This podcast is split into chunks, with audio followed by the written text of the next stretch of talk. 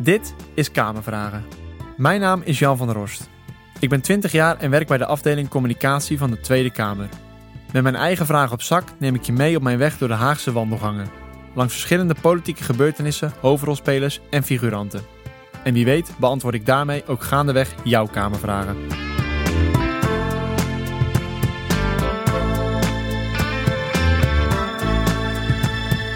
Welkom bij deze bonusaflevering van Kamervragen. Ik ben Jan van der Horst en vandaag zit ik in de studio met Kamervoorzitter Vera Bergkamp. Mevrouw Bergkamp, welkom. Dankjewel. We hebben aan luisteraars gevraagd wat zij van u of het Kamerwerk willen weten en we hebben veel reacties ontvangen. Die gaan we nu behandelen. Ik ben benieuwd. In aflevering 3 van deze podcast hebben we het al over de rol van de voorzitter gehad. De Kamervoorzitter leidt de plenaire debatten in de Tweede Kamer. U ziet er bijvoorbeeld op toe dat de sprekers in een debat niet afwijken van het onderwerp. U houdt de spreektijd in de gaten en u verdeelt de interrupties. Dat zeg ik goed, toch?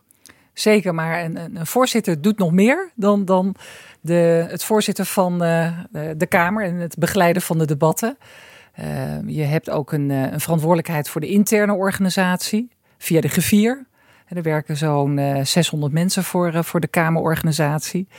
Uh, daarnaast mag ik de Kamer vertegenwoordigen uh, bij allerlei bijeenkomsten. Dus dat is ook een belangrijke. Uh, en daarnaast heb ik ook de bestuurlijke contacten. bijvoorbeeld met de ombudsman en de Algemene Rekenkamer. Dus het is een hele veelzijdige functie. Maar het is ook heel mooi om de debatten te mogen begeleiden. En dat is ook het meest zichtbare van het werk. In die aflevering zijn vooral mijn vragen beantwoord. Nu gaan we een aantal door de luisteraars ingestuurde vragen bespreken. Zullen we maar beginnen? Heel goed.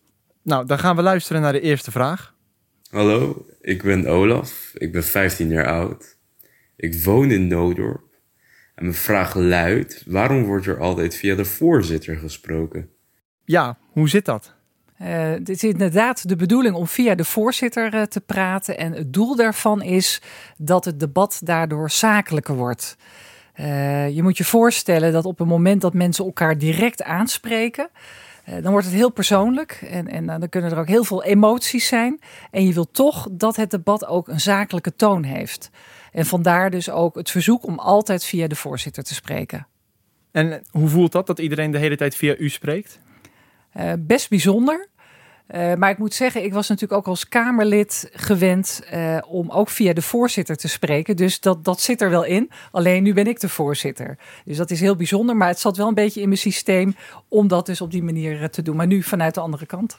Dit is een ongeschreven regel, maar we hebben ook vragen gekregen over de geschreven regels. Laten we weer even luisteren. Beste mevrouw Bergkamp, mijn naam is Charissa, ik ben 20 jaar en ik kom uit Landgraaf. En mijn vraag is, mag je eten in de Tweede Kamer? Ik heb mezelf altijd al afgevraagd waarom de politici zo begeerig kijken naar het beetje water bij het spreekgestoelte. Totdat ik erachter kwam dat je niet mag drinken in de plenaire zaal. Waarom is dat eigenlijk zo? Eten en drinken in de plenaire zaal. Wat mag er wel en wat niet? Je mag af en toe een snoepje nemen, een pepermuntje of een dropje, maar echt eten en drinken, dat kan niet uh, als het gaat over Kamerleden. Ze kunnen wel uh, de zaal verlaten om af en toe wat te drinken of wat te eten. Ik denk dat dat is ook logisch, is ook nodig, hè, dat je af en toe ook bijvoorbeeld ook wat water drinkt. En dat heeft te maken met uh, de uitstraling van de Kamer, de waardigheid van de Kamer. Op het moment dat je daar mensen ziet eten en drinken, is toch een raar beeld. Het is wel zo dat de bewindspersonen, die zitten in vak K, die krijgen wel uh, drinken geserveerd. En dat zijn ook onze gasten. En die kunnen ook niet weglopen. Dus dan is het ook logisch dat ze een kopje koffie, kopje thee, een frisdrankje uh, of een glas water krijgen. In aflevering 3 spraken we met een van uw voorgangers, uh, Gerdy Verbeet. Zij vertelde dat ze wel eens blokjes kaas kreeg van de bodes tegen de flauten. Eet u ook wel eens stiekem? Het is wel goed om dit te weten, dat die faciliteit er is. Uh, nee, tot nu toe niet. Wat ik wel eens doe, is een, een pepermuntje, een keelsnoepje of een dropje. Dat, uh, maar ik merk al dat dat best wel lastig is als je moet uh, ingrijpen.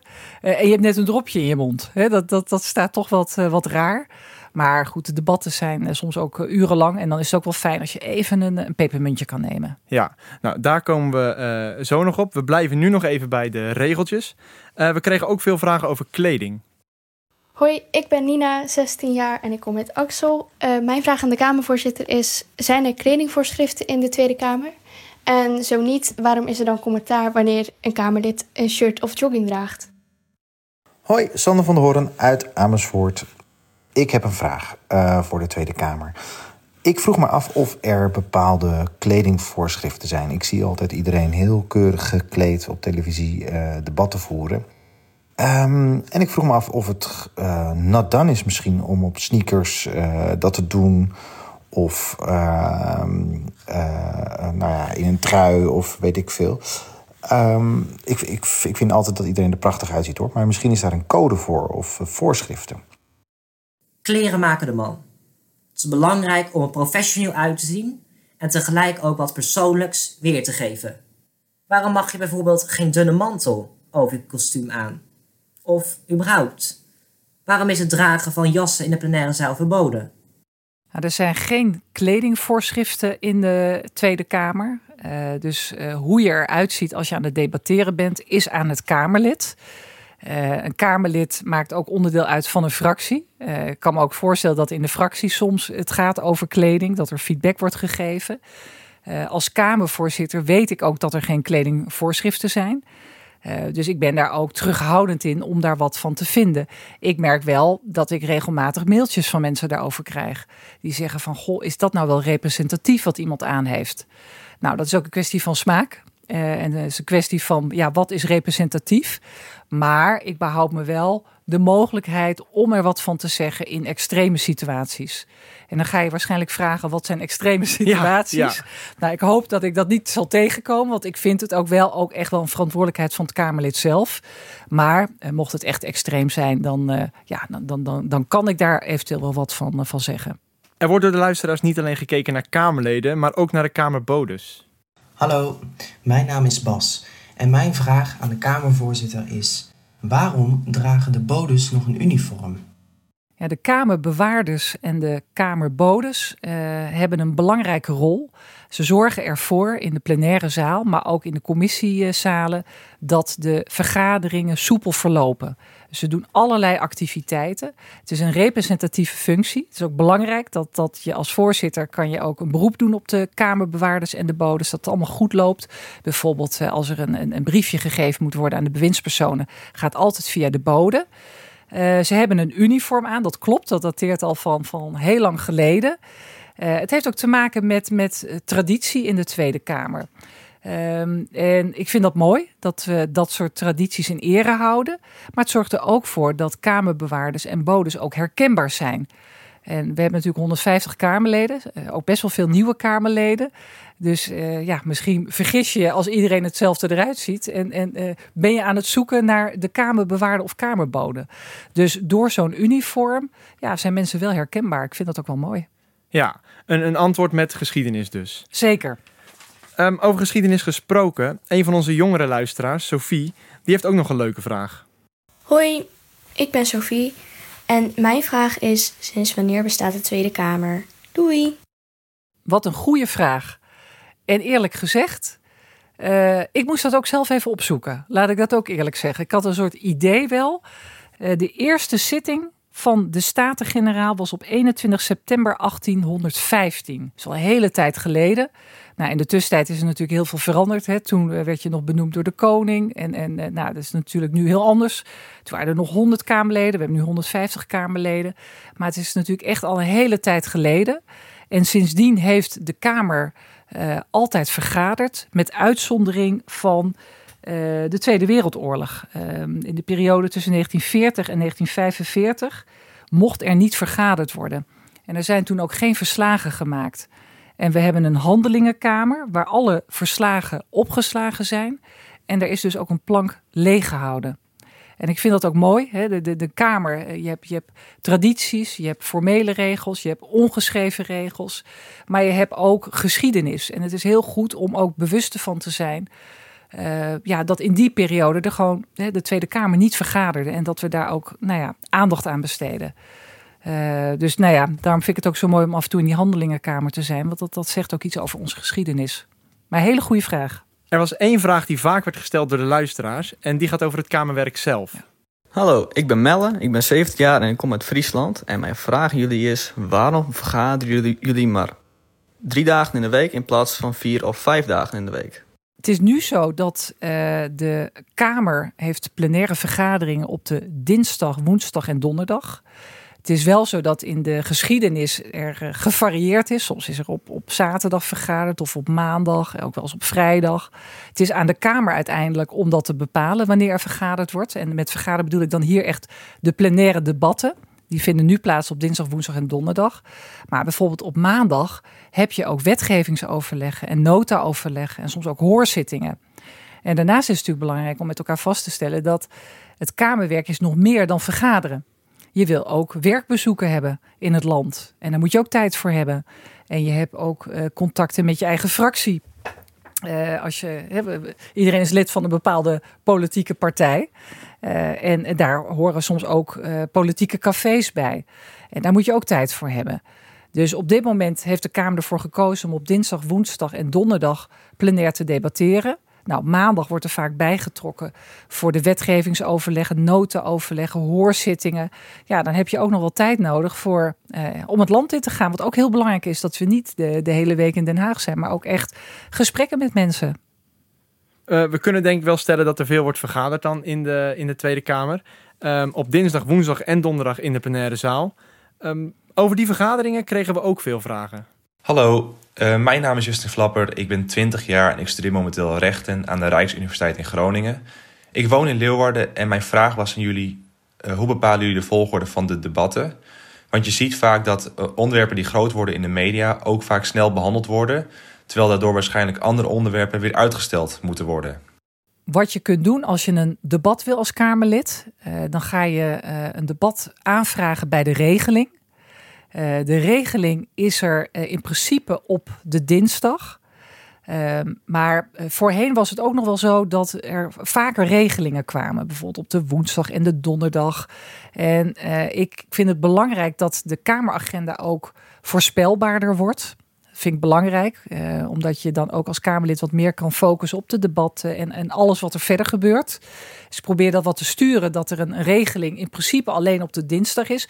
Behalve als er natuurlijk een meerderheid van de Kamer vraagt om een regeling op een andere dag, dan, dan, dan ga ik dat natuurlijk toestaan. Want de, de meerderheid van de Tweede Kamer bepaalt natuurlijk uiteindelijk de werkwijze. Dus ook als er een, regeling moet plaatsvinden op de woensdag of donderdag, ja, dan, dan sta ik dat toe. Maar ik stuur wel op in principe dat er een regeling is op één vast moment, als de dinsdag. Nou, dan moet je als Kamerlid zorgen dat er een meerderheid voor is. Als dat zo is, dan ga ik samen met de gevier kijken wanneer dat debat gaat plaatsvinden. En dat is afhankelijk van de drukte op de agenda, de urgentie en de beschikbaarheid van de bewindspersonen. Ja, het, het valt wel veel mensen op dat lang niet alle Kamerleden aanwezig zijn tijdens deze vergaderingen. Waarom is dat? Ik krijg daar inderdaad regelmatig mailtjes over. Dat komt omdat je uh, in een fractie heb je uh, woordvoerders. Uh, ik was voordat ik bijvoorbeeld Kamervoorzitter werd, woordvoerder voor de zorg. Uh, op het gebied van de langdurige zorg. Dus op het moment dat er een debat is, wat bijvoorbeeld gaat over de langdurige zorg, dan zijn de woordvoerders aanwezig in de plenaire zaal, uh, die verantwoordelijk zijn voor de langdurige zorg. En als je kijkt naar vak zie je ook niet het hele kabinet zitten. Daar zit dan de minister die verantwoordelijk is voor de langdurige zorg. Uh, het is niet zo dat op dat moment dat iedereen op het plein zit koffie te drinken. Je hebt vaak ook gelijktijdig commissiedebatten. Het is ook belangrijk om dat aan te geven. En die vinden dan plaats in andere zalen. Soms zijn het technische briefings of hoorzittings of werkbezoeken. Maar dat is dus eigenlijk de reden dat de, de zogenaamde specialisten in de Kamer aanwezig zijn om het debat te voeren. En de minister die ervoor verantwoordelijk is. U had het net al even over de fracties in de Kamer. Uh, dat zijn er nu meer dan ooit. En daar hebben we ook een vraag over gekregen. Mijn naam is Isabel, ik ben 25 en ik heb een vraag. Wat vindt u van het grote aantal partijen dat op dit moment zitting heeft in de Tweede Kamer? En hoe zorgt u ervoor dat met zoveel partijen het democratisch proces nog steeds soepel blijft verlopen? Dank u wel. Het zijn veel uh, uh, fracties. Hè. We hebben 17 fracties en één groep in de, in de Tweede Kamer. Maar dat is ook democratie. Dat is ook gebaseerd op, op de stemmingen die er zijn van, van mensen. Dus ik vind daar niets van als, uh, als Kamervoorzitter. Waar ik wel wat van vind, is natuurlijk mijn verantwoordelijkheid om te zorgen dat uh, de debatten binnen de tijd worden afgerond. En, en dat het allemaal een beetje soepel verloopt. Dat is best een uitdaging, zeg ik maar, met, met veel partijen. En ja, ik probeer er natuurlijk wel ook op, op te sturen. om het debat ook levendig te houden voor mensen, voor kijkers, maar ook voor mensen die meedoen aan het debat natuurlijk. Ja, ik, ik, kan me ook voorstellen dat bij stemmingen het goed opletten is met zoveel fracties. Het is best een behendigheid ook om te, te zien waar alle fracties zitten en één groep dus. Uh, en dat is wel een soort behendigheid die, je, die je moet ontwikkelen. En ook best spannend. Hè? Want je wilt dat natuurlijk goed doen. En het is ook heel leuk als het, als het goed gaat. Dat het, dat het soepeltjes verloopt. maar u stemt zelf ook. Hoe gaat dat? Ik ben onderdeel van een fractie, in, in mijn geval van, van D66. Dus als er fractiegewijs wordt gestemd in de plenaire zaal, ja, dan is dat ook mijn stem. Dan heb je nog de hoofdelijke stemmingen. Uh, ik ben ook Kamerlid. En, en op een moment uh, bij hoofdelijke stemmingen worden alle namen opgenoemd. Ook mijn naam. En dan zeg ik dus ook of ik voor of tegen een motie ben. Ja, die stemmingen zijn maar een onderdeel van het werk van de Kamer en het controleren van de regering. Over wat er daarna gebeurt hebben we ook een vraag. Hoi, ik ben Fleur, 26 jaar. En ik had een vraag. Ik vroeg me af, kan de regering een door de Tweede Kamer aangenomen motie negeren? Um, dat, dat kan. Uh, als een, een, besluit van de Kamer niet wordt opgevolgd door het kabinet, dan is het aan de Tweede Kamer vervolgens om daar wat van te vinden. Uh, om uh, in een debat te zeggen van goh, waarom is ons besluit niet uitgevoerd? Daar vindt dan een, een debat over plaats. Uh, dat, daar vindt dus dan een politiek debat over plaats. Als iets wordt vergeten, dan heb je natuurlijk ook de uh, fractie hè, de, en, en, het Kamerlid, die daar vaak ook een systeem voor heeft van hoe zit het met de uitvoering van mijn motie. Uh, en ik voel zelf ook wel een soort verantwoordelijkheid uh, als Kamervoorzitter om te kijken of dat ook allemaal goed gaat. Dus op een moment dat bijvoorbeeld een Kamerlid naar mij toe gaat en zegt van hé, hey, dit is toch heel gek, hoe zit het daarmee? Nou, dan probeer ik wel daarin in te helpen en in te begeleiden als dat nodig is. Ja, jullie vergaderen soms door tot heel laat. Dat viel een luisteraar die wel eens naar de debatten kijkt ook op. Goedemiddag, mijn naam is Gerko Talen, ik kom uit Stappos. Uh, mijn vraag aan mevrouw de voorzitter is: waarom vraagt toch iedereen altijd dezelfde vragen? Met alleen dan net iets anders dan de ander, maar het komt altijd wel hetzelfde over. Daardoor doen de debatten altijd wel heel lang. Kunt u mij daar antwoord op geven? Ja, dat, uh, dat, dat valt mij soms ook op. Hè, dat er in een debat uh, ook wel eens herhaling zit. Kijk, uiteindelijk gaat een Kamerlid over zijn of haar eigen woorden. Uh, wat ik wel kan doen in mijn rol als voorzitter, om wel te zeggen tegen een bewindspersoon, maar ook tegen een Kamerlid van de, de vraag is al beantwoord of er zit te veel herhaling in een debat. Dat is ook wel aan mij om daar ook wat van te zeggen. Maar uiteindelijk is het wel aan het Kamerlid die gaat over de eigen woorden. En ja, kijk, soms, het hangt ook heel erg van de situatie af. Soms is er iets ook heel belangrijk. Dat voel je dan in een debat. En dan is het ook weer logisch dat allerlei partijen diezelfde vraag stellen. Net misschien iets anders om erachter te komen van wat is er nou precies gebeurd. Uh, dus het kan ook een, een functie hebben. Dan is het, uh, nou ja, volgens mij ook helemaal niet irritant om er naar te kijken. Want dan zorgt het voor een stuk spanning en levendigheid in het debat. Maar het komt ook wel eens voor dat het gewoon herhaling, herhaling is. En uh, ja, dat, dat, dat kan irritant zijn. Ik krijg daar ook wel eens mailtjes over. En dan is het ook aan mij als voorzitter om daar ook wel wat over te zeggen op dat moment. Maar uiteindelijk bepaalt het Kamerlid uh, zelf, zeg maar, de woorden die gekozen worden. En wat je ook wel ziet is dat Kamerleden ook met elkaar samenwerken. Dat heet dan een treintje. Dan ben je zelf door je eigen interrupties heen. En dan neemt een ander het over en die gaat erop doorvragen. Ik vind dat altijd wel heel mooi om te zien, die samenwerking in de plenaire zaal. En wanneer voelt u dan aan dat het niet erg is als interrupties worden herhaald? Soms merk je in een debat dat er uh, spanning zit rondom een bepaalde vraag. Dat iedereen eigenlijk wil weten, wat is daar gebeurd? En dan is het niet erg uh, dat mensen diezelfde vraag stellen, maar dan net even anders. Omdat je voelt, dat is de kern misschien wel van het debat. Uh, en ik denk dat journalisten dat op dat moment voelen. Uh, de kijkers thuis en ik als Kamervoorzitter. En dan ja, laat je dat toe. Want dan kan je ook een debat uh, kapot maken. door op dat moment te zeggen, ja, interrupties in tweeën, te veel herhaling. Uh, ik denk, het is aan mij om natuurlijk, ik ben nu nog niet zo lang voorzitter, om uh, vlieguren te maken. En ik denk dat je dat gevoel steeds beter gaat, uh, gaat ontwikkelen. Dag mevrouw Bergkamp, mijn naam is Sandrice uit Nijmegen. Hoe ervaren Kamerleden, hun medewerkers en het personeel van de Kamer de toegenomen werkdruk? Welke ideeën heeft u om die werkdruk enigszins te verlichten? Hoe je omgaat met werkdruk en hoe je dat ervaart, is ook iets persoonlijks. Maar wat mij wel opvalt is dat het instrumentarium wat je hebt als Kamerlid, uh, dat dat toeneemt. Je ziet een toename van het aantal moties, uh, parlementaire onderzoeken. En dat doet natuurlijk wel wat met, met de omvang van het werk. Uh, en ik, we zien natuurlijk ook dat een aantal Kamerleden burn-out hebben. Uh, zien we ook trouwens aan de kant van het kabinet. Zien we dat daar ook af en toe de, werkdruk heel hoog is. Dus ik voel me daar echt wel verantwoordelijk voor om te kijken wat we daar met elkaar aan kunnen doen. En dan zit het hem bijvoorbeeld in de voorspelbaarheid van de Kameragenda.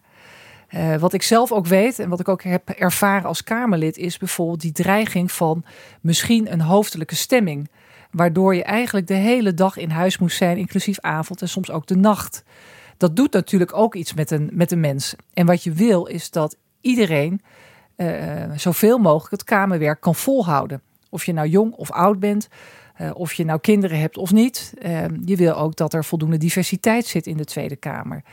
Uh, dus ik voel wel de verantwoordelijkheid om te kijken dat wat niet echt nodig is, uh, wat, je, wat je kan verminderen, wat te maken heeft met die voorspelbaarheid van die, van die agenda. En ik merk in gesprekken met mensen die ik nu heb, met Kamerleden, fractievoorzitters, ook met journalisten, dat dat wel echt een item is en dat het belangrijk is om daar goed naar te kijken. Ja, laten we het dan even over wat luchtigers hebben. Um, een luisteraar vroeg zich af hoe het zit met de sfeer in de Kamer. Sander van Hoorn uit Amersfoort ik vroeg mij af hoe de collegiale sfeer is in de Kamer, onder de Kamerleden. En vooral als zij politiek lijnrecht tegenover elkaar staan. Uh, drinken ze wel eens koffie samen of is dat lastig? Nou, ik merk dat dat, uh, dat, dat echt uh, zeker gebeurt.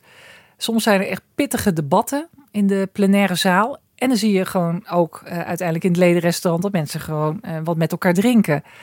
Uh, dus dat, dat, dat kan. En, en dat is ook wel mooi. Hè? Ik denk dat je het ook moet scheiden tussen het zakelijke, inhoudelijke, de debatten.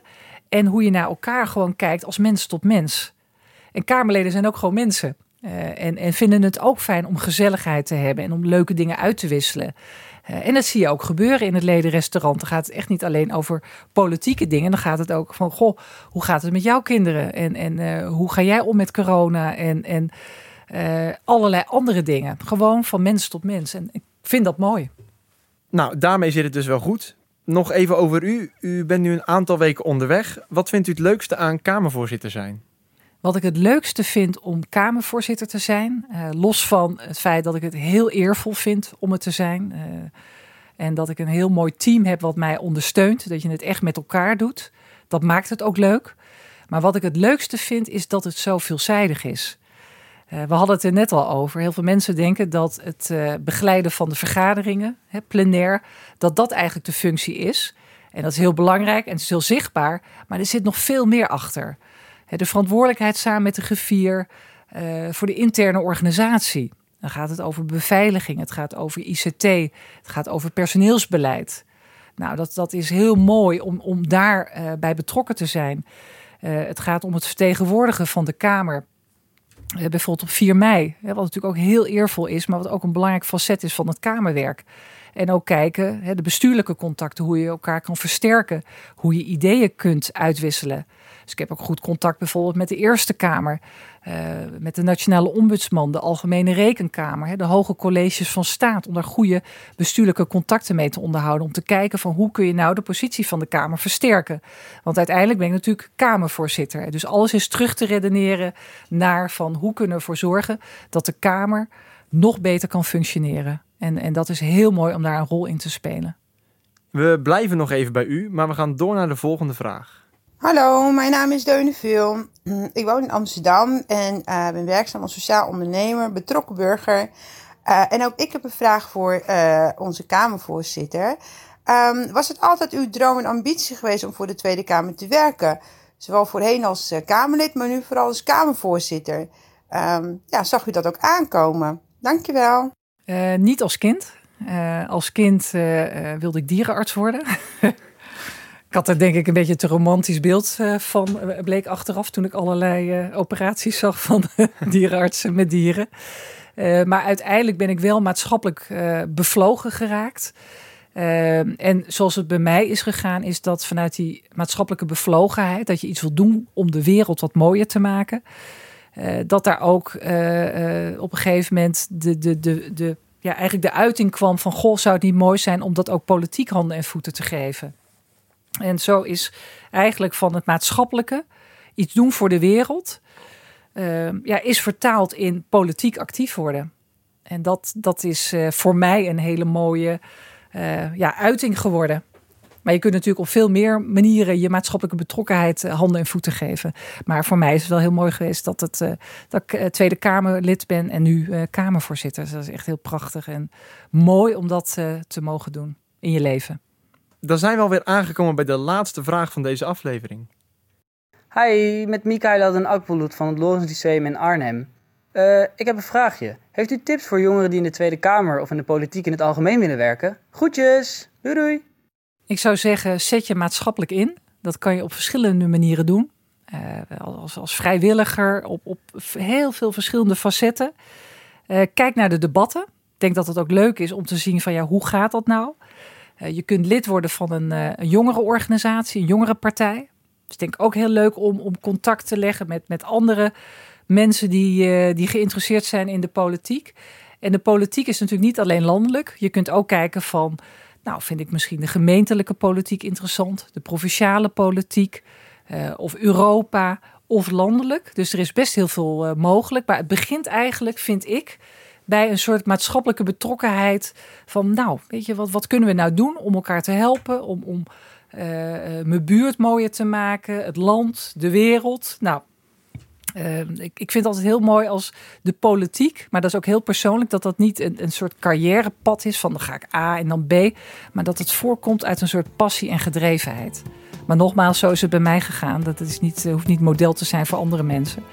Maar uh, ja, ik denk dat het heel mooi is als, als meer jongeren de politiek vinden, maar in ieder geval stemmen. Dat is denk ik wel op zijn minst wat je moet doen. Kijk, dat zijn goede tips dat was het al. Ik, uh, ik wil u bedanken voor de antwoorden en, uh, en voor uw tijd. Nou, ik wil in ieder geval de mensen bedanken die mij een vraag hebben gesteld, de moeite hebben gedaan en ook zelfs de vraag hebben ingesproken. Erg leuk, dankjewel. En daarmee zijn we niet alleen aan het einde gekomen van deze aflevering, maar ook van de podcast. Een podcast vanuit de Tweede Kamer. Mijn naam is Jan van der Horst. Wil je meer weten over de Tweede Kamer? Ga dan naar onze website tweedekamer.nl. En vond je deze aflevering leuk? Deel hem dan vooral met vrienden, familie of iemand naast je in de bioscoop. Bedankt voor het luisteren.